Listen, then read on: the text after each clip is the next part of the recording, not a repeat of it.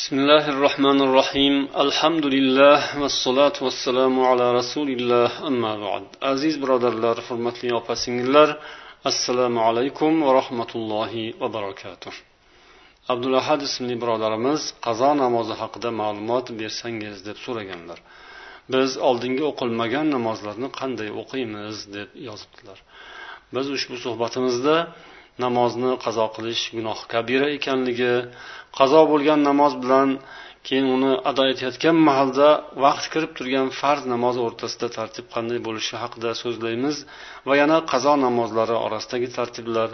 Tartiblarning soqit bo'lishi ko'p qolib ketgan namozlarni qanday qazo qilish haqida to'xtalamiz inshaalloh. Namoz bu alloh taolo buyurgan eng ulug' va eng muhim ibodat niso surasida olloh فإذا اطمأننتم فأقيموا الصلاة إن الصلاة كانت على المؤمنين كتابا موقوتا degan agar xotirjam bo'lsalaringiz bas namozni barpo qilingiz namoz shubhasiz mo'minlar zimmasiga o'z vaqtida ado etilishi farz qilingandir degan demak namozni o'z vaqtida ado etish lozim namozda farzlardan biri vaqt Vaqtni to'g'ri topib bilib vaqti kelganda o'qish kerak. Namozni vaqtidan oldin o'qish mumkin emas vaqtidan keyin o'qish ham mumkin emas. Bu gunohi kabira agar namozni vaqtida o'qilmaslik nihoyatda ulkan gunoh va bu namoz insonning mo'minligi musulmonlik alomati payg'ambarimiz sollallohu alayhi vasallam inson bilan kufr o'rtasida farq namozdir deganlar raddul muxtor kitobida yoziladi mana shunday qazo namozlari haqida bobda yoziladi باب قضاء الفوائد لم يقل المتروكات ظنا بالمسلم خيرا favoidlar ya'ni qolib ketgan namozlarni qazosi haqidagi bob. Bu bobda matrukat deyilmadi ya'ni tark qilingan namozlar deyilmadi chunki musulmon odam haqida yaxshi gumon qilinadi u qasddan tark qilmaydi namozlarni balki nimadir sabab bo'lib namoz o'qilmay qolib ketadi. Ya'ni musulmon odam namozni tark qilmaydi qasddan. la tazulu bil qado bal bittavbati avil chunki namozni vaqtidan keyinga qoldirish gunoh kabiradir. Buni qazo qilish bilan u gunoh yuvilmaydi balki tavba bilan yoki haj bilan yuvilishi mumkin. Demak qazo qilingandan keyin namozni vaqtidan o'tkazib yuborgandan keyin bu odam gunoh kabiraga botgan bo'ladi. Namozni o'qimaslik bilan vaqtdan o'tkazish bilan gunohga botadi. Keyin shu odam namozni qazo qilsa ya'ni o'qib bersa o'shani u bilan insonning gunohi yuvilmaydi. Faqat namoz qarzidan soqit bo'ladi. Qazo degani bu o'tash degani qazoning bir qancha ma'nolari bor vafot etish ma'nosi yoki boshqa yana jumladan qado bir narsani o'tash qarz bo'lgan narsani o'tab qo'yish ma'nosi ham bor. Namozni o'tab qo'yish yelkada qolgan qarzni ado etish bo'ladi agar vaqtdan keyin o'qisa. Ammo savob bo'lmaydi va gunohdan qutulmaydi. Gunohdan qutulish uchun alohida tavba qilish kerak. Yoki hajji mabrur barcha gunohlar yuvilishiga sabab bo'ladigan haj qilish kerak. Demak namozni qazo qilish juda ham og'ir narsa. Endi qazo bo'lgan farz namozlari bilan vaqti kirib turgan farz namozi o'rtasidagi tartib qanday bo'lishi kerak payg'ambarimiz sollallohu alayhi vasallamdan buxoriy va muslimda rivoyat qilingan hadis من نسي صلاة أو نام عنها فكفارتها أن يصليها إذا ذكرها kimki biror namozni esidan chiqarsa yoki uxlab qolib o'qimay qoldirsa buning kafforati shuki esiga tushishi bilanoq o'qib olsin dedilar Demak namozni esdan chiqarib yoki uxlab qolib o'qimay qolsa dedilar rasululloh. Ataylabdan qasddan o'qimay qoldirish bu alohida masala. Ataylabdan qasddan o'qimay qoldirishni ulamolar kofirlikka bog'lashgan billah.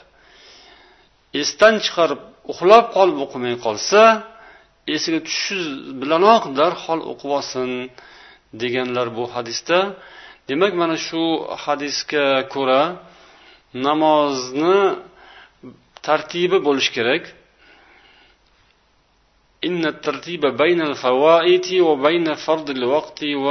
Deyishgan ulamolar.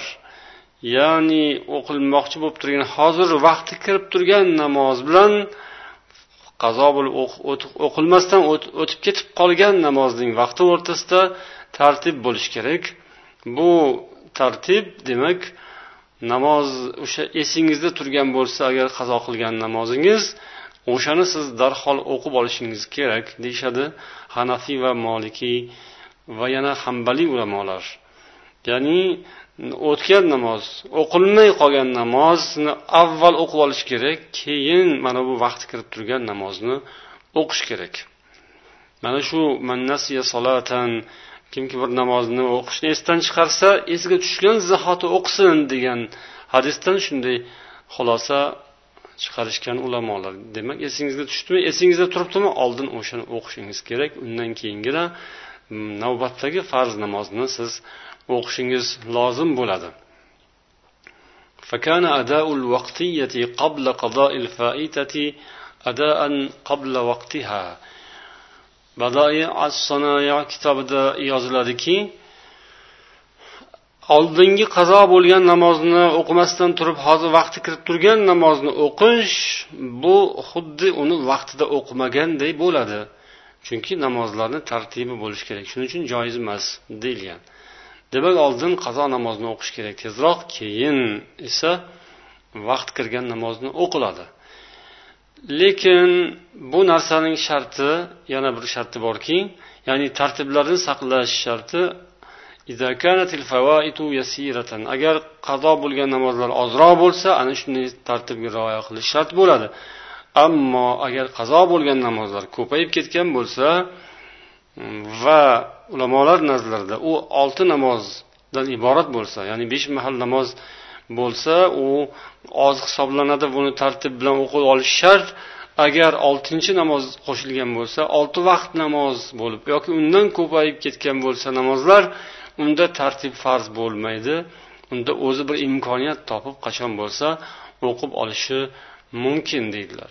Yana shu bilan bir qatorda qazo bo'lgan namozlar orasida ham tartib bo'lishi lozim. Ya'ni oldin bomdod keyin peshin keyin asr shom xufton mana shu tartibda o'qilishi lozim qazo bo'lgan bo'lsa illo bu yerda ham agar namozlarning soni ko'payib ketgan bo'lsa unda tartib ham soqit bo'ladi va imkoniyatiga qarab o'qiyverishi mumkin namozlarni ham qazo bo'lgan namozlarni ham. Demak agar namozlar ko'payib ketgan bo'lsa yoki namoz vaqti juda ham tor bo'lib qolgan bo'lsa yana esdan chiqarib qolgan bo'lsa tartib soqit bo'ladi deydilar tuhfatul fuqaho mualliflari. Agar namoz vaqti hozir kirib qoldi farz namozi siz qazo namozini o'qiyman desangiz bu farz namozning ham vaqti chiqib bu ham qazo bo'lib ketadigan bo'lsa unda siz hozirgi namozni o'qib olasiz keyin esa qazo namozlarini o'qiysiz. ammo qazo namozlaringiz juda ham ko'payib ketgan bo'lsa ko'p qolib ketgan namozlar bo'lsa unda umuman tartibga murojaat qilishga hojat yo'q balki siz xohlasangiz bu tarzda xohlasangiz boshqacha tarzda siz namozingizni o'qishingiz mumkin إذا كثرت سقط الترتيب حتى لو قضى ثلاثين فجرا ثم قضى ثلاثين ظهرا ثم قضى ثلاثين عصرا جاز deb yozadilar al bahrul roiq sharhu kanziddaqoiq kitobida. Ya'ni agar qazo namozlari ko'payib ketgan bo'lsa tartib soqit bo'ladi va bunda inson masalan o'ttizta fajr namozini o'ttizta zuhur namozi peshin namozini yana o'ttizta asr namozini qazo qilsa ketma ket oldin o'ttizta e, fajr namozini ketma ket o'qib keyin o'ttiz marta peshin namozini undan keyin o'ttiz marta asr namozini o'qisa ham joiz. Xohlasin bunday qilsin. Xohlasin ertalab bomdod o'qigandan keyin o'sha bomdodni yonida demak qolgan bomdodni o'qisin bir mahalmi ikki mahal. Keyin peshin o'qigan mahalda peshinga qo'shib peshin o'qimagan qarzlarni qazolarni o'qishi mumkin. Asrda esa asr o'qilmagan asrning qazolarini mana shunday tarzda o'qishi mumkin. Inson o'zining imkoniyatiga qarab sharoitiga qarab o'qiydi va faqat namoz o'qish makruh qilingan vaqtlardan saqlanadi. Ya'ni ertalab bomdoddan keyin to kun chiqqunga qadar asrdan so'ng to kun botgunga qadar va peshinda quyosh tikka kelgan tik turgan paytida o'qishni makruh vaqti sanaladi. Bu vaqtning ichidan mana shu vaqtga to'g'irlamasdan demak qazo namozlarini boshqa paytlarda bemalol o'qisa bu yaxshi bo'ladi.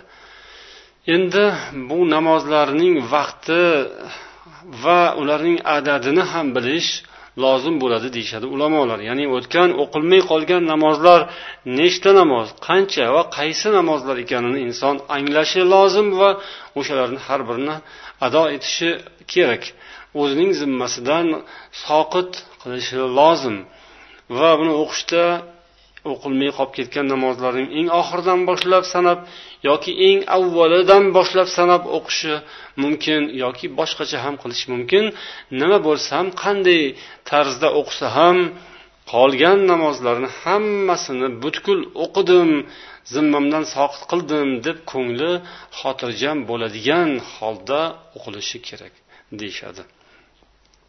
Endi mana shu o'rinda biz qazo namozlari haqida ba'zi ulamolarning fikrlarini ibrat uchun keltiramiz إن العلماء اتفقوا على وجوب القضاء على الناس والنائم مع عدم الاسم inson agar namozni esdan chiqarib yoki uxlab qolib o'qim o'qolmay qolgan bo'lsa u albatta qazo qilishi lozim va bunga gunoh yozilmaydi esdan chiqarganga va uxlab qolganga gunoh yo'q lekin ataylab uyquchi bo'lib uxlab qolsa beparvolik bo'lib beparvoligidan beg'amligidan yalqovligidan uxlab yotaversa albatta gunoh bo'ladi. Lekin ba'zan inson ixtiyordan tashqari beixtiyor uxlab qolib namozni o'tkazib yuborsa bunda gunoh yozilmaydi. Va mana shunday uxlab qolib esdan chiqarib namozni qazo qilgan odamlar albatta namozni o'qishlari vojib ekanligida hech kim shubha ixtilof qilgan emas. وإنما وقع الخلاف في قضاء الصلوات المتروكة عمدا balki qasddan namozlarni tark qilgan uzrsiz tark qilgan odam namozni qazo qiladimi yoki yo'qmi degan masalada ixtilof bo'lgan ulamolar o'rtalarida Ammo jumhur ulamolar barcha to'rt mazhab ulamolari ichlarida bu masalada ixtilof yo'q.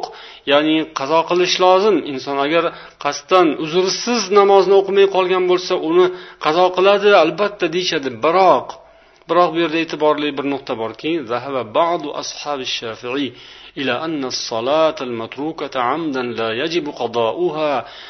shofiiylardan bir guruh ulamolar qasddan uzrsiz tark qilingan namozlarni qazo qilish vojib bo'lmaydi deyishgan.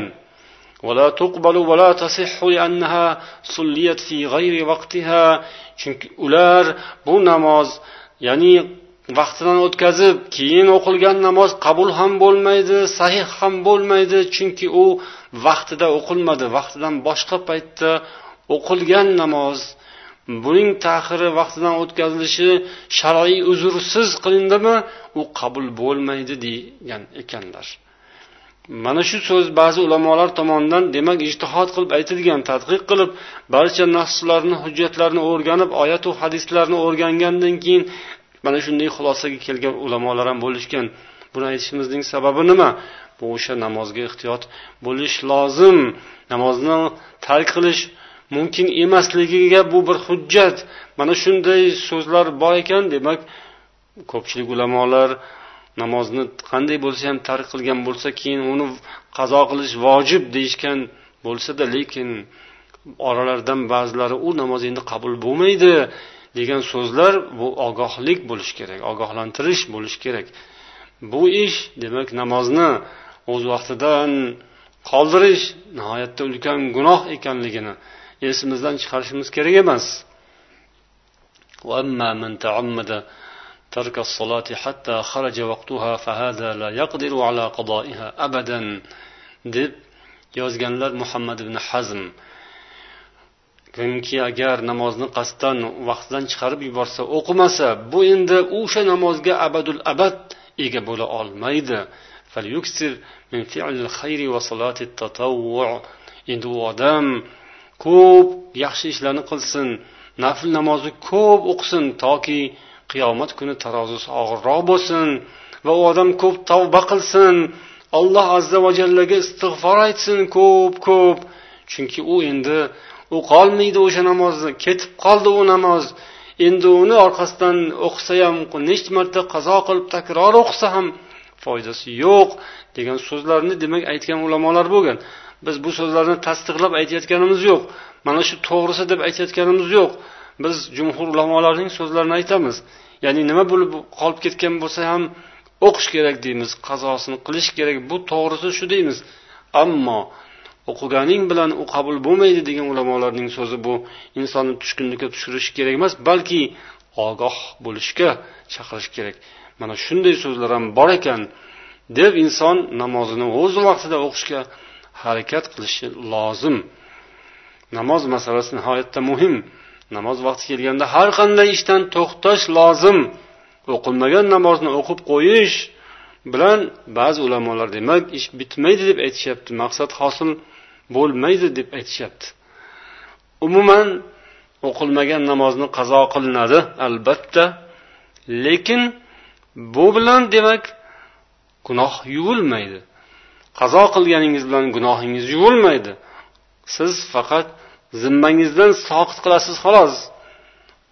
O'z vaqtida o'qimaganingiz uchun yozilgan gunohdan qutulishingiz uchun siz albatta tavba qilishingiz lozim. Yoki bir haj qilib kelsangiz o'sha haj bilan siz namozni o'z vaqtida o'qimaganlik gunohidan demak ozod bo'lishingiz mumkin. Lekin namozni qazosini albatta o'qishingiz lozim. O'qib bo'lganingizdan keyingi gap bu. Gunohidan qutulishingiz uchun tavba qilishingiz lozim. Alloh taolo barchamizga tavfiq bersin. Bu ibodatni o'z vaqtida bajo etishimizni muvaffaq aylasin. Vassalomu alaykum va rahmatullohi va barakatuh.